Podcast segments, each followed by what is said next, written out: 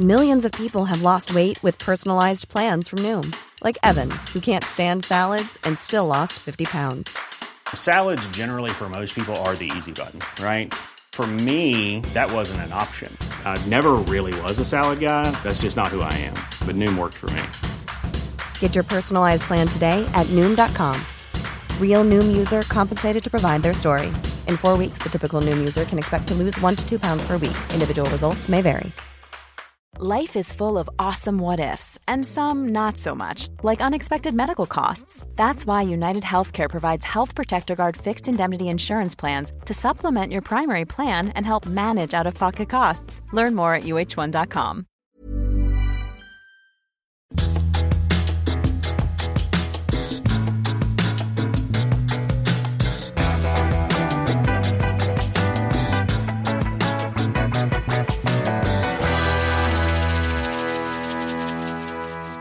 Hej och välkomna till Lillelördag. Jag är lite exalterad Anita. Varför då Ann?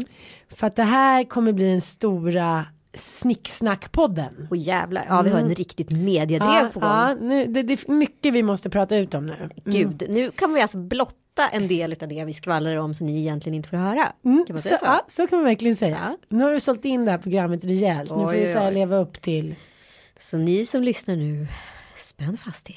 Nu åker vi. spännväder eller på släppväder. Åh, åh, igår gick jag på gatan och så var jag verkligen tvungen att fisa. Och så fes jag jättehögt. jag, och så vände jag mig om och då är det en kille som går. Det var ju också väldigt roligt att jag träffade dig igår och du gick och visade lite stjärtskåra.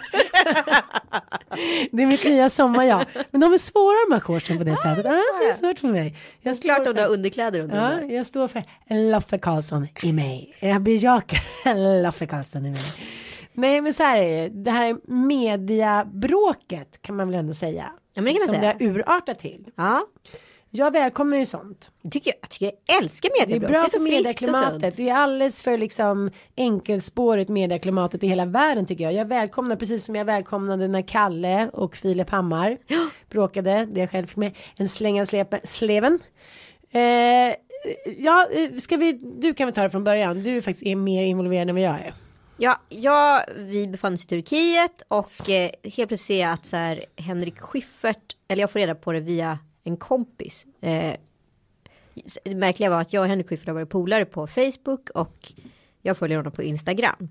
Men helt plötsligt när jag ska gå in och läsa det här inlägget på Facebook då är inte vi kompisar längre så han måste ha unfriendat mig utan någon anledning. Och då tänker jag att han har någonting, det är någonting på gång. Det är det första jag tänker. Aha! Aha! Men tror du att, tror du att det var så? Ja det tror jag garanterat. För jag har okej. liksom haft honom i mitt flöde hela tiden. Och sen har jag inte tänkt på men det har bara upphört. Liksom, Mm. och inte för jättelänge sedan. Eh, och då förstår jag att eh, massa... Viktigt. Jaha, att han har liksom hoppat på Amanda, eh, min svägerska, eh, för att hon har publicerat ett inlägg som hon har tydligt gjort i samarbete med BMW. Men inläggets karaktär är att det finns en så här privata känslor kopplat till det. Och Henriks tes är att så här, allt är till, till salu i samtiden. Eh, och jag vet inte längre vad som är äkta och vad som är riktigt. Eh, och jag tycker att det är så här, dels så tror jag att följarna som följer är väldigt på det klara med vad som är köpt och vad som inte är köpt. Sen är det ju liksom per definition en svår fråga för allting är i en eh, offentlig persons eh, Instagramflöde eller Facebookflöde eller vad det nu är, blogg. Det skulle ju kunna vara marknadsföring. Att jag varit i Turkiet och lagt upp massa härliga bilder därifrån. Det skulle ju kunna vara marknadsföring. Någon kanske känner så här, gud vad härligt de verkar ha, vi åker dit.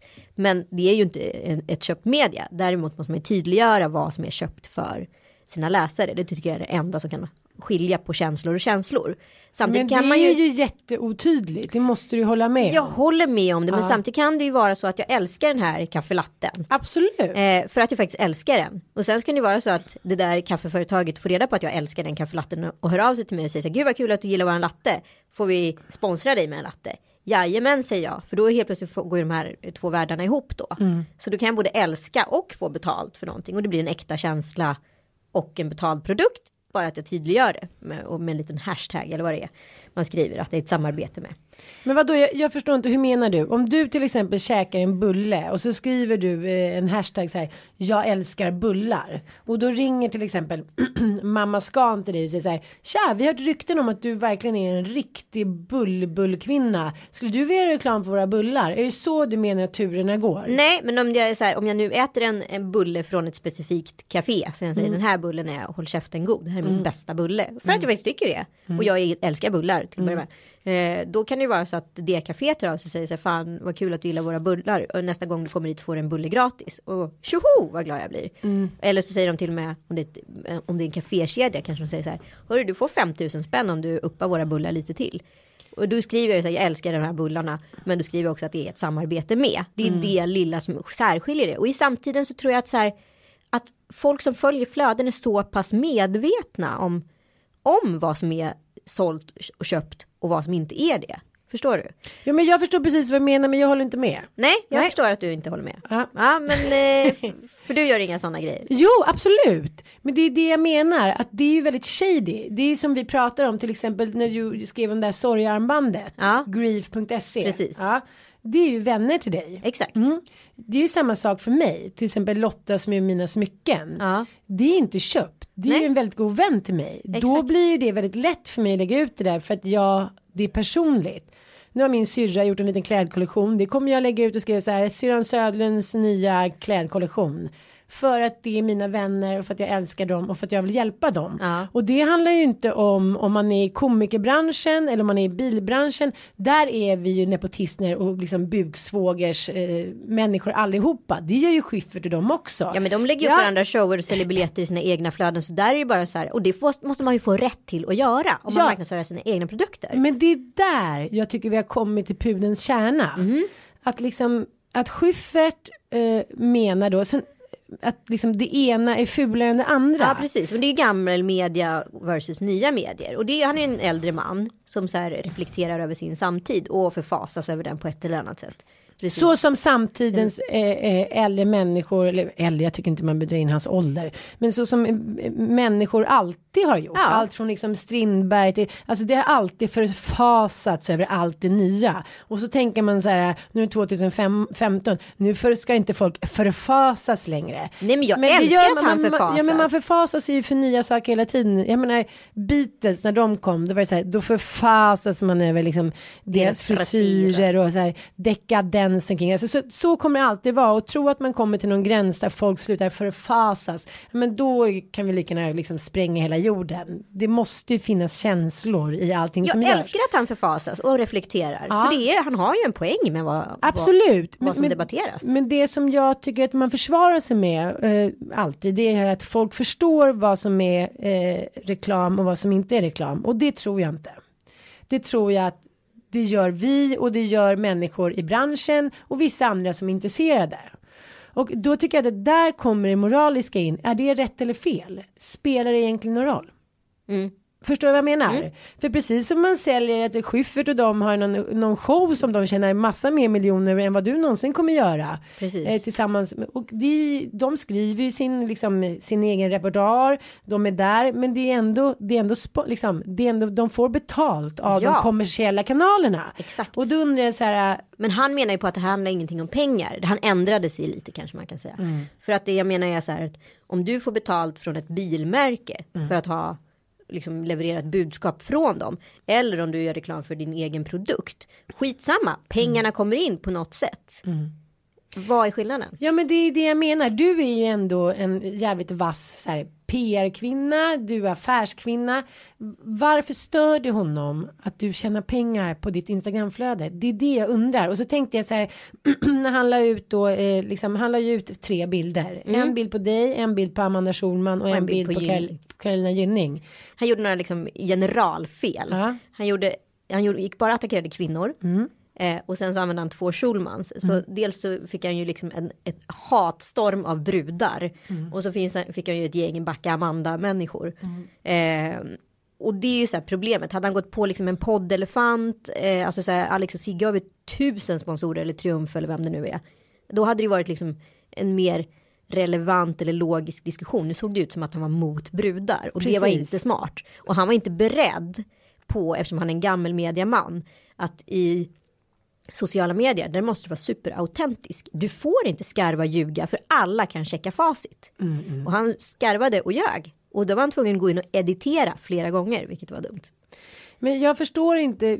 Jag tycker att som sagt att det är bra att det här kommer upp till diskussion. Men det är ju samma sak om fem år kommer ju ingen prata kring det här. Nej, Men, men jag undrar bara om man säljer in det. Liksom, jag tänker att Underbara Klara faktiskt har gjort det väldigt bra. Från början var hon också liksom lite flytande, lite shady. Och nu är hon så här. Hon är supertydlig med allting på sin blogg. Det här är ett samarbete. Det här gör jag i samarbete. Eh, men det som jag tycker då tyvärr blir att det förtar lite av läsupplevelsen. Så att jag tycker att det där är en knivigt. För om allt är så här, titta jag äter en bulle. PS, den är sponsrad av Scan. Det blir väldigt hackigt. ja absolut. Men det är väldigt härligt och ärligt tycker jag. Det är så här, det är proffsigt. Jag tror att det kommer bli framtiden. Fast saken är den, jag har ju valt att göra bara samarbeten. För att man får så sjukt mycket förfrågningar. Och då, om inte jag känner att det här är ett varumärke jag på riktigt tycker om. Ja. Då, eh, då kan inte jag jobba med det varumärket. För då blir det för på låtsas. Och ska det kunna finnas någon autenticitet eller autenticitet och vad heter det eh, närhet liksom, då måste det vara på riktigt för mig. Och så här, där är ju, vi lever ju ett varumärkeslandskap mer eller mindre. Allt vi ser och gör är ju varumärken. Kolla på Kardashians återigen instaflöden. Hur mycket som är liksom reklam för deras egna produkter, andra produkter, polare etc. Som alla liksom på ett eller annat sätt står för någon typ av varumärken, tusen varumärken. Alltså Instagram ett varumärkesflöde, så kan man ju konkret säga. Men jag tänkte på Leila Lindholm. Ja, Eh, hon är ju också en vass businesskvinna. Mm. Och där, där kände jag faktiskt att jag blev besviken. Jag tänker det finns några heliga kor. Mm. Bland annat tycker jag att Sommar i P1. Det är så här, när man blir tillfrågad kring det, då är det så här, då ska man vara stolt. Då har man förmedlat någonting till svenska folket som många bryr sig om, som många tar sig till, som många vill veta mer om. Mm. Ja men det var ju som när Sanna blev tillfrågad, då blev jag ju så stolt så att jag började gråta. ja. Ja, för det är och vilket min- bra sommarprat hon hade. Ja, helt fantastiskt. Men att då som Lila då så här, dra in sina egna produkter, hålla på och snacka om sig själv och sitt eget blada jada jada. Där känner jag så här, där har hon liksom svurit i kyrkan. Det här, var hon tvungen att utnyttja det också? Men då blir det också så här, vad är gränsen? Å andra sidan var det skitsmart av henne. Flera hundratusen svenskar sitter och lyssnar och hon pratar om sitt varumärke. Så jag känner själv att jag inte riktigt har landat i det där. Nej, Förstår du vad jag Ja, men menar? men det som jag blev ledsen över att det ännu en gång när så här, ny media ska tas upp så blev det liksom kvinnorna som fick bära hundhuvudet. Mm. Och, det, och det här med Babben då, jag förstår att man gör saker och ting privat. Mm. Men det är kanske där vi olika generationer man inte har förstått att man skriver hora podd. hora liksom, ja då vill jag skrika hora hora som Babben skrev om Mandy Schulman då när hon hörde det här som Schyffert sa. Ja, då tänkte hon så här, här sitter jag och mina komikerpolare och pratar lite om det här. exakt. Vilket inte blir eftersom alla kan följa det, hela världen kan gå in på Facebook. Och, men jag tycker inte att det gör saker mer försvarbart, för det tycker jag nästan gör ännu mer läskigt. Att man sitter på kammaren och tycker att man kan häva ur sig vad som helst. För att man liksom är någon. Förstår Ja, du ja, vad jag visst. menar? Så det, jag tyckte det var väldigt, det gjorde mig väldigt beklämd. Och sen så måste jag säga att efter den här artikeln i DN som du har ju skött det jävligt bra tycker jag. Tack baby. Du har inte gått in i känslomässig liksom eh, åh stackars mig och gud vad alla är dumma. Eh, Du har gått liksom inte in i någon polemik där du ska tjafsa. Du har bara förklarat det nya medieklimatet och det Mm. gjorde du även i DN och så här hatten av för det. Tack baby. Ja, att du inte har skyllt ifrån Nej, men jag ens- gillar ju Schyffert. Alltså jag Ja, tycker men han det gör vi väl alla? Ja och så här, om jag ska svara honom liksom på ett jämställt sätt. Mm. Då får jag ju inte gå in i någon så här behu behu det är synd om mig. Du är taskig Mm. mot mig. Utan det är ju inte han. Utan han attackerar ett fenomen. Sen råkar jag vara en av de personerna som står för det fenomenet som Mm. han attackerar. Men det är ju en helt annan sak. Det, är ju ingen, det finns ju inga personliga känslor däremellan. Jag tycker han är superrelevant och jättebra och jag svarade honom utifrån det perspektivet. Så jag svarade väldigt sakligt. Sen tog han bort det inlägget. Mm. Men, men jag tycker så här, det finns ju vissa människor. På begäran från mig. Och vilket han gjorde också. Jaha, men det var ju schysst. Mm. Fast han skrev att det var Schulmans som hörde av sig. Ja, Schulmans. Ja, så fick han gå in och editera och säga att det var Anita Schulman. The Schulmans. Är Schulmans. Men samtidigt så är det så här när man, när man har det här, den här mediamakten som både du och övriga Schulmans och Vidells och även liksom Schyfferts har. Då måste man ju vara lite rädd. Mm. Då måste man tänka både en och två gånger. Det tycker jag är ens ansvar. Ja, men det var ju Sen ändå... måste man ju också tänka på att så här, man tjänar massa pengar på allt. De tjänar massa pengar, ni tjänar pengar. Ja. Så det är inte synd om någon. Det är inte synd om Nej, någon. Det, det, det vill jag att vi ska klarlägga. Nej, det är ingen mobb och det är inget buhu nej, Precis, det är inte synd om dig, det är inte synd om mig, det är inte synd om Schyffert. Det som är att det finns några få människor i Sverige som har väldigt mycket makt när de säger någonting. Mm. Och Schyffert är en av dem. Och det är lätt att man känner sig lite liten och lite utpekad. Det, det Här kanske- kommer en superalfa och pekar sin stora gudshand Mm. på mig och så här ska jag skaka. ja, hur kändes det? Just när jag såg att han hade gått på mig så fick jag en sån här klump i magen. Sen kände jag mig ganska säker. Mm. Direkt på min åsikt. Så därför var det inte heller svårt att presentera den. Mm. Ehm, och vi hade en jättefin diskussion han och jag i feeden. Mm. Där vi landade i hug and kiss liksom. Så att vi gillar ju varandra. Alltså det är inget sånt. Och jag tycker verkligen han är grym. Och jag hoppas att han gillar mig också. Liksom. Mm. För det här var ju en icke-emotionell diskussion. Så att säga. Enligt mig. Så att jag, jag kan känna Sen har ju vi utbildats, du och jag och några till. Som varit tidiga med sociala medier. Vi har ju utbildats inom det här, allt från bloggar till liksom allting. Så vi vet också hur vi ska ställa oss till att kommentera det. Eh, och bemöta kritiken. Det Schyffert inte har med sig är att han aldrig varit med om ett socialt mediedrev. Så han blir nog lite chockad tror jag. För han trodde bara han slängde ut en åsikt och sen fick han bära det här hela vägen. Han var till och med så här, ja det är ett tråkigt jobb men någon måste göra det, haha. Liksom. Men jag tänkte också så här hur jag tycker att det är ännu ett litet bevis på att män håller varandra om ryggen inom liksom ja med mediavärlden. Eh, jag tyckte det var jäkligt roligt när Kalle skrev så här, jaha men ska du inte ge dig på mig nu då? Ja, Och då direkt blev det väldigt tjenis tjenis. ja, ja visst. Ja, klart jag ska ha ha ha. Alltså förstår du, det är ändå fortfarande att männen står utanför. Brevet Ja, tycker jag ofta. Fast Kalle vill ju direkt gå in och skriva till min fördel för att han höll inte med. Och det var så här, fast vet du vad? Nej, jag vill stå och jag vill klara det själv. Mm. Och det blir så mycket geggigare ifall ens partner, du har gjort nå- det misstaget flera gånger tidigare, att eh, Kalle får en impuls och går in och skriver någon kommentar när det börjar brinna till i bloggen. Eh, och, och jag bara säger nej men nu backa nu för det kommer lägga sig, det kommer lägga sig och gå inte in här för att det här klarar jag själv, jag är så pass stark och ja, vet vad jag står för liksom så att du behöver inte gå in. Och jag tyckte det var jävligt bra att Alex inte heller gick in till Amandas för, eh, försvar faktiskt. För det hade blivit geggigt. Sen kanske det ser ut som att män håller varandra om ryggen men jag tror inte att det är så. Bra. Men jag, jag känner så här, det, jag fick min tankeställare. Jag tycker att det är bra att det tas upp. Men jag tror att till syvende och sist så kommer det bli. Det kommer krävas att det blir tydligare vad man gör. Vad som är Absolut. marknadsföring. Och jag välkomnar det. Ja, Ja. gud absolut. Bara liksom att jag tror grundläggande problemet ligger hos också hos reklam och PR-byråerna som har känt så här hej nu kan vi istället för att vi visar en kampanj kostar en miljon hit och dit eh, med respektive person så kan vi så här eh, skeppa ut 10 000 och så skriver den här personen mycket den gillar varumärket och säljer vi liksom 18 miljarder istället. Alltså där handlar det om att deras briefer måste vara mycket mer konkretiserande och tydliga och att man inte geggar ihop personliga känslor på det liksom, sättet som kanske det där bilvarumärket hade krävt från både Gynning och Amanda. För det är uppenbart att de så här, det här vill de egentligen inte skriva, men de skriver det liksom. Men jag tror, att, jag tror att alla är också lite gröngölingar med det här nya medieklimatet. Att det kommer lägga sig. Ja. Vad, liksom, vad beställarna vill ha, vad vi vill ge. Alltså man måste hitta en form till det. Men det som jag skulle vilja så här, till allas försvar är ju också så här. Det här är en ny sorts business. Mm.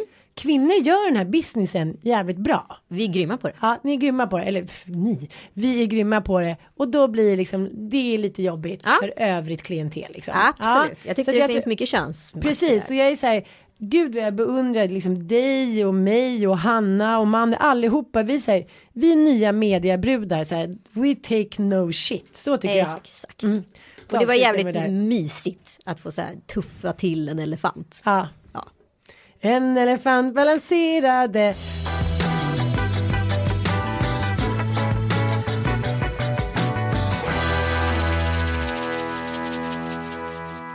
Nu måste jag eh, erkänna en sak. Jaha.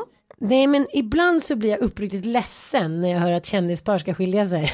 Ja. Som att säga, jag vet inte så mycket om dem men jag har så här en personlig relation till dem fast jag inte ska ha det. Nej. Det hände ju när Chris Martin och eh, Gwyneth. Ja, när men de skulle skilja sig. Kalle var också jätteledsen. Ja men det var jag ser den där bröllopsbild när hon sitter i någon så här enkel klänning och han är så här härlig och hon är härlig och de är så här privata men ändå personliga. Ja, jag tyckte det var så här trist. Ja. Jag tror att man, det som gör att man blir sårbar och tänker så här, kan de skilja sig som verkar så härliga, då kommer vi, också göra det. Typ. Tror inte att det handlar mycket om det? Jo men, men man förstår att så här, det som blir så uppenbart är att så här, ingenting varar för evigt. Vi, Det finns inga människor idag som kommer leva upp till de är 90. Så är det ju. Alltså, Usch, det där lät så jävla ja men det är ju så. I bästa fall kanske man får 20-25 år men mer står man nog inte ut tror jag. Fast det är inte säkert.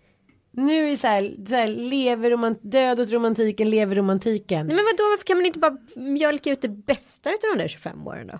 Jo jag vet men sen är vi typ döda så. Ja men då så. Nej, Du ska ju också dö med det gamla gammelmediaformatet TV. Jag ska åka på en båt så ska du här, skjuta. Som den sista riddaren. Det, de har redan börjat klippa ihop ditt minnesprogram. Du har redan skrivit så här DN. Så här, nej gud vad hemskt. Skojar bara, förlåt. Nej, Nej, det nej det, men det jag vill, jag vill ju så himla gärna tro på kärleken. Jag vill ju så att det ska kunna vara tipptopp hela tiden. Men jag kanske bara en, en dåres försvarstal. Hur som helst, jag blev lite ledsen nu häromdagen när jag läste att Gwen Stefani, Ja.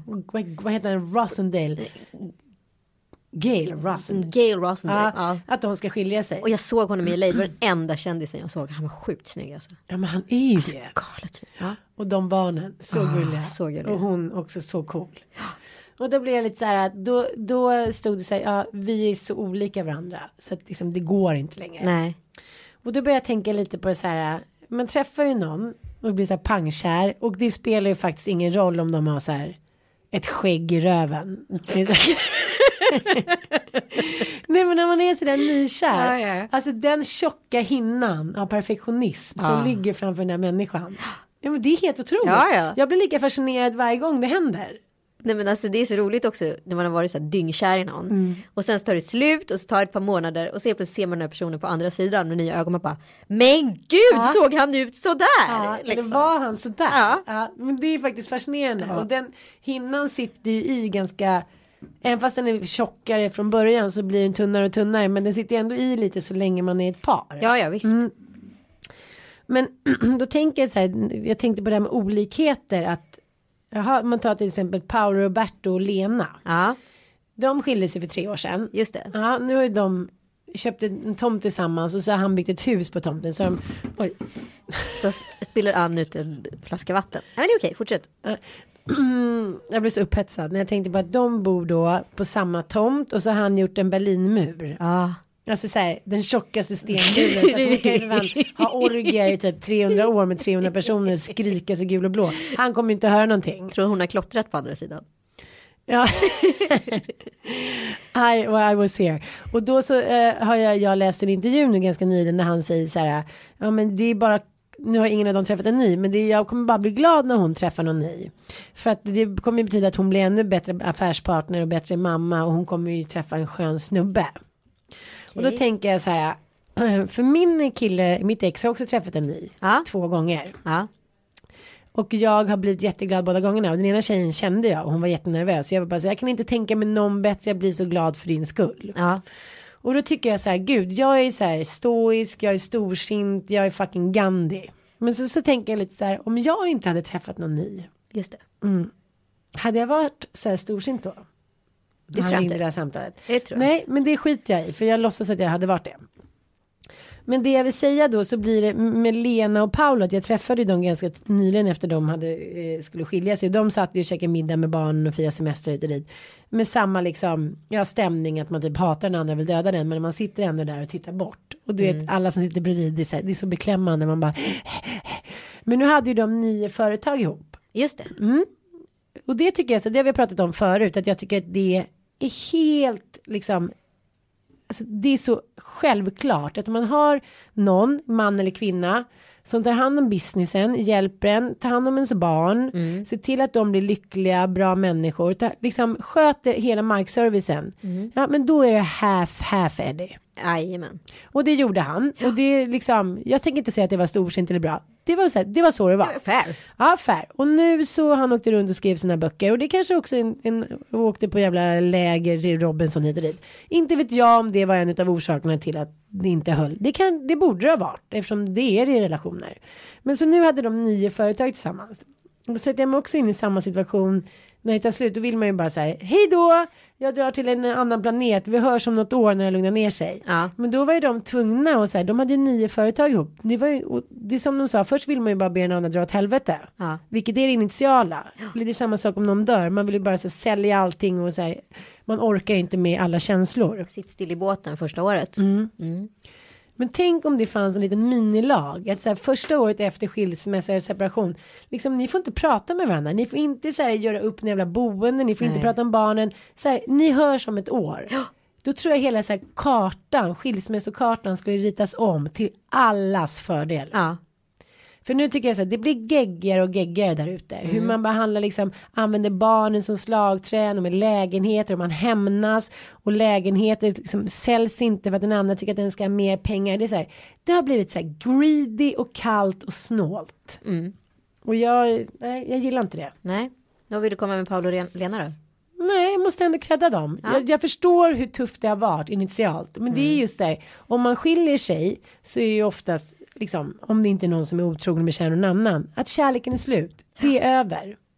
Och folk kämpar på och liksom år efter år, de går till terapeuter och de går på sexkurser och så här, liksom det är inte så att folk lättvindigt skiljer sig, vilket vilka, vissa vill göra gällande av. Fan vad man kämpar på. Ja, men också så här. Man det... vill ju inte skilja sig, man vill ha sina barn, man vill ha sitt kärnfamiljsliv, hur löjligt det än låter. Man vill, så här, man vill älska och bli älskad. Men det är ju en kamp mot väderkvarnen. Jag tänkte väldigt mycket på det i Sannas sommarprat faktiskt. Att alltså dit vi har nått i framtiden. Eller var vi är i samtiden. Det är ju inte heller i linje med en tvåsamhet. Nej. Alltså det är ju väldigt komplicerad matematik här. Att få liksom ihop ett gammalt så här, feodal Ja. äktenskap Ja. in i det här. Och jag tänkte på som det är bara att man är någons fru eller som i USA där man är Mr och Mrs eh, mannens namn. Alltså, det är ju, alltså det är ju en slavinneroll många gånger. Liksom. Alltså, det finns någonting i det här som inte funkar. Eh, och jag säger inte att jag vill separera eller skilja mig men det är ju en konflikt som är ganska svår att lösa. Och hur gör man det då? Nej men jag vet inte, för det är som du säger, vi ska leva ett kärnfamiljsliv men vi är inte kärnfamiljspersoner längre. Nej. Kvinnor gör karriär, kvinnor liksom lever på samma villkor som mannen men ska samtidigt också dra ett tyngre lass, vilket jag tycker att det är i nio av tio familjer. Man har tre, så här, tre vänpar där jag känner så här, de här är fan helt jämlika. Alltså ibland önskar jag så mycket att det fanns någon liksom liten människa som satt på en, en pall i hemmet och bara så här, gjorde så här punktnoteringar om hur mycket man tar barnen åt olika håll. För när det står på sin spets vem som lägg, nattar mest eller vem som hämtar oftast på förskolan då skulle man vilja ha ett facit på det där. Men det finns ju till någon app som man kan ladda ner. Nej. Jo, där man kan så här, se vem som gör vad. Jag måste ta reda på vad det var för app, för jag tycker att det vore intressant. För jag och mitt ex gjorde, när vi gjorde Södern och Bia, vi bråkade alltid om vem som gjorde mest och minst hit. Då så rullade vi chokladbollar och så satte vi små flaggor i vem som gjorde vad. Och då blev det så här, jag gjorde typ 64 grejer, han gjorde 58 grejer av vardagssysslorna. Men alltså, jag tycker att det blev fel. Ja men ska det vara liksom alltså matematik förstår du? Jag tänker så här kompisar som så här det skiljer mig 15,50 för den där snickersen. Man bara här, fast vet du vad, det jämnar ut sig i, i långa loppet. Fast jag tror att man, jag tror inte heller på liksom petimeterrättvisa, men jag tror att det känns i ens kropp. Det känns liksom hela ens inre andas om det är jämlikt och rättvist. jag kommer ihåg. Fast det handlar också om vilket perspektivseende man har. Vissa personer kommer ihåg det som har skett närmast två veckorna och upplever då att så här, den personen tog mest ansvar just de här veckorna. Sen kommer inte ihåg, alltså för det är någon jävla guldfisk man resonerar med. Sen tänker jag också, jag kommer ihåg eh, älskade Hanna Hedlund. Eh, hon är ju gift, nej de är inte- gifta, men hon är ju tillsammans med Martin Stenmark. Ja. Och sen så fick han en 40-årskris och ville så här cykla till Himalaya typ. Ja, det tog en månad eller liksom. Man har ganska små barn och man vill vara så här bjussig, man förstår att den andra går igenom någonting. Och så sitter man där på kammaren och typ ångrar så jävla hårt att man var sådär bjussig. Och det där har jag en annan väldigt god vän. Hennes man fick erbjudande om att jobba utomlands hela tiden. Och hon var så här, nej men jag älskar mitt liv. Jag har två små barn, dagis ligger 100 meter bort. Jag håller på liksom och pluggar. Jag är väldigt lycklig och harmonisk i min lilla värld just nu. Och han vill bara så här ut på äventyret och jag kommer få sitta där på mitt arsle. Och ta hand om två barn i typ Kina. och sen i efterhand så säger hon, säger han att mycket berodde på att han då ville skilja sig var att hon inte vill leva upp till hans drömmar. Och det här tycker jag är någonting som det återkommer till. Ja. Att så här, man vill skylla på den andra partnern att den inte liksom låter den förverkliga sig själv. Och jag förstår att han blev jätteledsen att hon inte ville då följa med till Kina eller vad han skulle. Men här, det var inte hennes värld då. Vem bestämmer vad man gör då då? Ja. Förstår jag menar? Vem bestämmer vem som ska få Nej, bestämma det, det, där? Du har ju en poäng i det. Alltså nio fall av tio. För man, man, jag tycker man har, så här, man har ett kapital av ork. Mm. Som jag ser det. Eh, och den här orken den tar liksom, den nöts på allt från så här jobbet, barnen, liksom kompisar, eh, möten, människor man liksom träffar i, liksom på stan, hej hej. Och sen så finns det minst kvar till ens partner när man kommer hem. Och det är där man måste egentligen börja bygga. Och, och egentligen tänka tvärtom. Att man ska ju börja boosta liksom partnern. Och sen är inte det superlätt att göra. Det är en omprogrammering. Det är som att så här, potatis har alltid varit, alltså det, grönsaker har alltid varit ett bihang till kött och potatis. Nu är det ju grönsaker och kött och potatis är någonting man renderar på. Det är ju en omprogrammering som är ganska svår att göra. Och jag tror att man måste sluta slå på familjen. Man måste sluta slå på förhållandet. Man måste försöka se det större perspektivet, vad som händer runt omkring.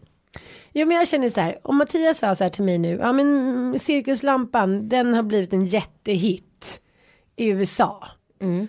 Vi kan bo i New York och ha det så här härligt och vi kan bo i en fin våning och så här, du kan ju pendla lite och kanske skriva en bok och så, om han säljer in det så.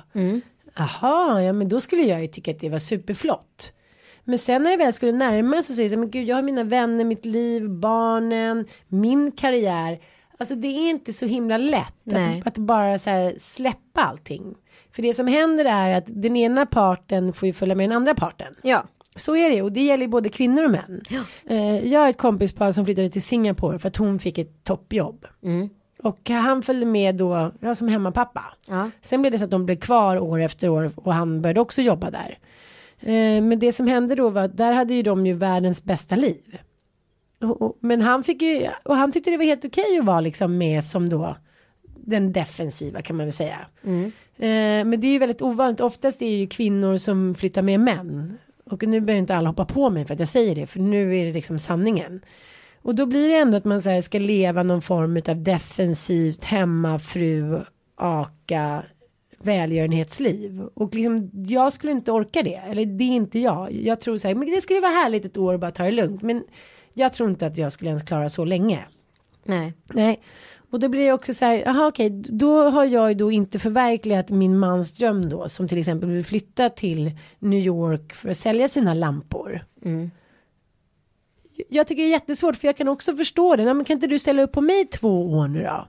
Men det är kanske lättare om man är 20 år och liksom sitter och pluggar. Men om, om Mattias skulle be mig om det nu, det skulle nästan vara helt omöjligt för mig. Man måste nog gå in med det och göra det som en, en pardröm. Att det är en gemensam, liksom, inte så här, det här är min dröm och du får hänga på tåget. Jag, mitt ex eh, var ju sån här som jobbade utomlands hela tiden, han skulle förverkliga sig själv, han skulle plugga på så här SFI och jag stöttade honom och stod bakom honom och sen så, så här handlar det inte om någonting annat än att han bara var jättemissnöjd i relationen. Alltså, han, jag stöttade hans förverkligande liksom till fullo. Eh, han stod inte bakom mig någon gång utan så här, det, mitt liv tuffade på här hemma. Han jobbade utomlands, det var flash och glam hela tiden liksom. Och sen åkte vi iväg på dyra semestrar som vi inte hade råd med. och liksom bedövade oss från vardagen. och sen så i slutändan så var han ju olycklig med mig. Alltså det, det är ju så liksom. Alltså så här, det spelar ingen roll. Man, kan, man ska inte så här man ska inte liksom skylla på att säga jag måste förverkliga mig för därför att och bla bla bla. Utan så här, är du olycklig i relationen så är du olycklig i relationen och försök se till vad det är. Men så här, kamouflera inte det med annat. Sen är det mycket svårare. Ja jag vet men jag tror ändå på det. Jag känner de gångerna jag blir så här ja, men känner mig lite ängslig i själen, börjar så här, tveka kring relationen, känner mig lite underlägsen, bla bla. Det är ju de tillfällen när jag inte lever mitt liv. Utan när jag så här, börjar balansera på hens liv. Eh, och liksom utplåna mig själv helt. Så här. Som, nu tycker jag att det liksom har varit lite så här just det här med att jag inte har tränat, jag har inte mina hobbys. Det blir bara jobba och barn. Och det är så här, ja, det gör att det blir väldigt endimensionellt och det tycker jag jag blir så här taggad när jag läser eh, biografin om Churchill. Han är så här, alla människor måste ha en hobby. Man kan inte så här, om man är författare kan man inte ha en hobby och läsa böcker. Det får liksom inte vara för likt. Nej. Så nu har jag börjat tänka så att jag ska börja dansa afrikansk dans och börja dreja igen. Och, ja, men, alltså, det måste vara någon, någon influens utifrån. Man måste så här, släppa tankarna fritt. Från liksom bara det som är, som du menar att man går in i varandra hela tiden och säger man är på varandra, man är inne i varandras liv. Men om man ska självförverkliga då är det så här, okej, du, du vill cykla till Himalaya. Ja. Det tycker jag låter skitbra, men då vill jag göra det här. Jag tror att det är Exakt. det enda sättet att få liksom en skön känsrelation. Sen kan det vara lite så här ibland, okej nu är det din tur att göra det, nu kan du åka. Man bara, jag har inte alls lust att åka någonstans. Men det, jag tror fan man ska göra det ändå. Mm. För det, är- ungefär som när man ligger. Man bara, men jag inte alls, orkar inte alls göra det. Och sen så när man väl börjar, när den stoppas in. Ja men då är det, eller vad man nu gör, stoppas in. Ursäkta. När penis förs in När i sidan. stoppas in. Åh, vi måste ju prata om sexuella preferenser, du vet att jag är besatt av Ja, det. jag vet det. Ja, eh, då är det ju skönt och då tänker jag att man kan använda den metaforen lite. Att när man väl börjar så är det skönt. Men jag tror att man måste så här, dels ha en hobby Mm. eller flera. Dels eh, förverkliga sig själv på ett eller annat sätt. Och det behöver inte vara så jävla stort. Jag och en kompis pratade om det, att vi ska utmana varandra, att man ska göra någon liten grej. Just det, du här- gjorde en Instagram-utmaning med mig som jag helt Ja, glömde hände bort. där? Jag vet inte, hur gick det för dig då? Åt helvete. Hans Söderlunds projekt. Check. Alltså jag har gjort så många projekt. Ja, jag vet. Kastar man upp många bollar så trillar några ner i alla fall. Ja, det, det är väldigt snygga mål de som trillar in. Fortsätt, ja, kör ja. Eh, det jag menar är att här, jag tror att man, och där måste jag ändå säga, kan gå tillbaka igen till, till Sanna sommarprat, men när man hör den här profeten när de läser upp den i kyrkan att så här, ett, ett träd kan inte växa i en annan skugga, då blir man så här, jada jada profeten igen. I. Men när hon läste så var det som att när Sanna läste Ja. sitt sommarprat, det var lite som att jag hörde den för första gången. Eller hur? Ja, det var så här, boom, det stämmer så mycket. Men sen är det, gäller det att hitta den där balansen till att man också, jag har kompisar som är så här helt fristående från varandra och det har inte heller funkat. Nej. För det är så här, man måste ändå ha någonting, ett shit som gör att man känner så här, vi vill vara med varandra för att vi har det och det gemensamt. Och man, de har ju en regel att man aldrig får säga nej när den andra vill göra någonting. Mhm. Var den andra än säger så här, hej jag vill köpa en häst, jag vill åka utomlands, jag vill dra iväg, jag vill öppna en krog. Gud, det låter som ett jäkla ok också. Jo men det, det blir ju det till slut. För att det blir så här. Ibland vill man ju bara höra sådär. Nej men jag vill inte det nu. Jag vill Nej. att du ska vara med mig. Vilket gör att man känner sig älskad och sedd och behövd. Mm. Men om man bara är såhär. Ja gör det du. Ah, vill du ligga med granntanten? Ah, gör det du. Men ja jag tycker att det är svårt. Ja, jag tycker det är sjukt svårt. Och det är så här, det är det jag menar, det, det finns ju en kontroversiellt med, med liksom tvåsamheten i det här samhället där vi springer framåt och liksom blir män. Vi är ju män nu, eller vi håller på att förvandlas in till män. Jag kände det. Ja, men och då, jag vet inte, är det så jävla farligt då? Att tro på kärleken ibland? Nej men det är jag som tror på kärlek. Det är du som håller på att säga att man inte kan vara ihop så länge hit och dit. Nej men jag tror äh, på kärleken men Du är jag kanske bara inte rädd. Den som Nej. inte tror på kärleken är rädd för att bli sviken. Men så är det väl. Mm. Men också, men jag tror inte heller att så här, man kanske inte har kärlek på kontot i 90 år. Nej. Fast jag Alltså- tror ändå att det har jävligt mycket med inställning att göra. Om man bestämmer sig. Det är som man ser vissa par. Man ser så här, de har bestämt sig för att det här ska funka. Mm. Och då får man se till som vilken som, ja men det är som, som en träning. Ja okej, ja men då har man bestämt sig. Nu jävlar ska jag börja träna. Nu gör jag det. Då gör man det om man verkligen har bestämt sig. Jag tror Men om det- jag då skulle vilja så här smiska din stjärt röd varenda kväll och Mm. du ändå vill göra lite så här vinballeknulla. Ja, nej där, det där, det där, den där har jag inte läst än. Nej. Just den där gåtan. Det är den och cancergåtan. Det är de jag inte har Ja, okej. Professor Söderlund kanske kan Ja. återkomma med en rapport nästa vecka på eventuella lösningar. Nej, men det måste, ja, jag vill att vi ska tänka på det här. Ja, För att nu har jag några vänner som har just det där problemet just med preferenser alla le sexual. Aha. Ja, omskrivning, sexuella, man kan inte säga sexuella preferenser. Han vill någonting som hon absolut inte vill. Oh my god. Mm. Ja. Och de älskar varandra och hon säger så här, men kommer vi kunna fortsätta vara ett par? För att säga, jag kan inte gå med på det här och då eh, för att lösa det. Då är lösningen då enligt honom och henne då att eh, han måste göra det med andra. Oj. Mm. Oj vilket steg att ta. Ja men för det är en, jätte, det är en jättestor del av ens personlighet. Det är ungefär som, du kan bara jämföra med, jag har vissa kompisar, både tjejer och killar som är besatta av Hammarby. Mm. Ja, de ska gå på de där matcherna hela tiden och deras bebisar ska ha Hammarbykläder och heja Hammarby. Jag tar bara det som ett, liksom ett exempel. För att de, är så här, de älskar Hammarby fotboll. Man bara, jaha, whatever, kan man älska fotboll? Ja, man kan älska bilar, man kan älska fotboll och man kan älska vad fan som helst. Eh, och det är kanske inte så här jättejobbigt om, om den andra partnern gillar AIK. Men, men allting är så här om någon bara älskar segling och vara ute på, på havet hela liksom somrarna och den andra typ hatar vatten blir sjösjuk eller någon älskar hundar och den andra hatar hundar. Alltså det är ju saker som på pappret ser lite enkla ut. Men just det sexuella blir ju då ja men till, ponera till exempel att det är då att den andra så här ja men typ vill bli slagen under sexet. Alltså det, är så här, det skulle aldrig kunna hända i min värld. Jag skulle aldrig kunna göra det. Hur mycket eller pisk eller vad som helst. Jag skulle kunna göra det en gång så skulle vi garva lite åt. Sen bara, ah, men nu kör vi lite doggy style och sen är det bra igen. Så godnatt. Alltså förstår jag känner så här, är jag för tråkig? Jag är väldigt nöjd med mitt vanliga svennebanansex-liv. Ja. Förstår jag menar? Jag behöver inte så mycket extravagansa. Ja, men jag skulle försöka addera på en, blir det lite skämskudde här. Jag ska försöka addera på en dimension någon gång. Och det är ju svårt att så här lägga, addera på Skämskudde, grejer. skämskudde. Det här är en skämskudde. Vad skulle du göra? Nej men jag var såhär, men du kan väl smiska mig lite då. med vad? Men med handen. Jaha, inte med piska. Nej. För det finns ju så här små attribut. piskor. Ja men jag har förstått det men jag är helt, jag är helt Men det- fri från så här, sexualleksaker. Jaha. Jag är jättetråkig. Jag har en rabbit hemma som du kan få låna. Gud vad mysigt, berätta mera. Ah, Det var ju den som Ossian hittade. Var det inte du som hade fräscha slemhinnor? Så det. Okej, berätta nu. Du vill ha en liten smisk med handen. smisk Men som att det vore jättesensationellt. Det har väl alla Ja gjort? men ja, det, vi menar det är inte det liksom. Men så här, det är ändå väldigt speciellt att addera Ja, på ja. saker när man har liksom ett Ja. sexuellt mönster. Ja. Och då vill jag liksom Men då sa upp du det lite. det. Då sa jag det. Och Kalle då så här. Ja, här, nummer ett inte riktigt vet hur han ska smiska mig. Man ska smiska mig liksom med handflatan underifrån eller ovanifrån liksom. Eller ska han köra den här? Så först blir det liksom en liten sån här. Diva, diva. Så först blir det liksom en liten så här. Så här. Alltså man bara så här, fast det känns ju inte ens, det adderar ju ingenting. Och sen så här, ta i lite då. Och han drämmer på. Det är så jävla hårt. Så jag har liksom en så här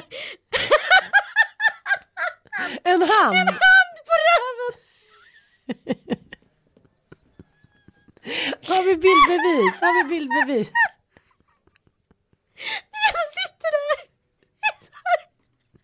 Men är den kvar länge?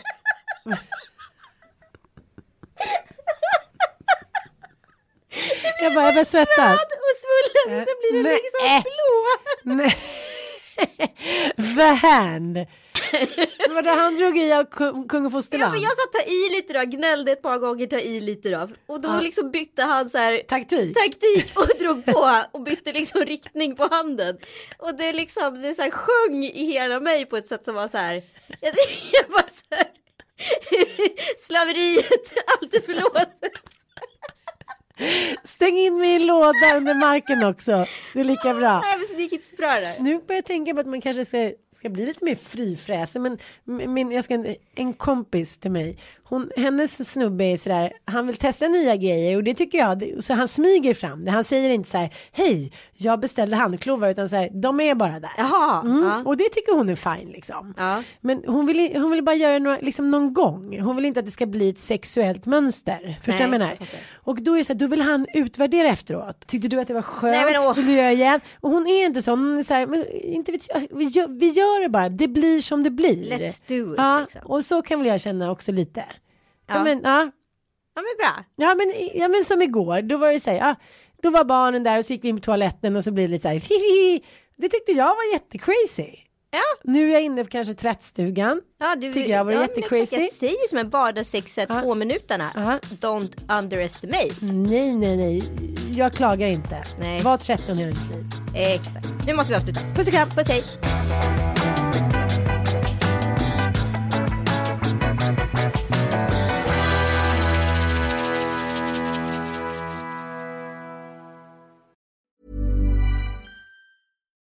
Hi, I'm Daniel, founder of Pretty Litter. Cats and cat owners deserve better than any old fashioned litter. That's why I teamed up with scientists and veterinarians to create Pretty Litter. Its innovative crystal formula has superior odor control and weighs up to 80% less than clay litter. Pretty Litter even monitors health by changing colors to help detect early signs of potential illness. It's the world's smartest kitty litter. Go to prettylitter.com and use code ACAST for 20% off your first order and a free cat toy. Terms and conditions apply. See site for details. Hey, it's Paige DeSorbo from Giggly Squad. High quality fashion without the price tag. Say hello to Quince.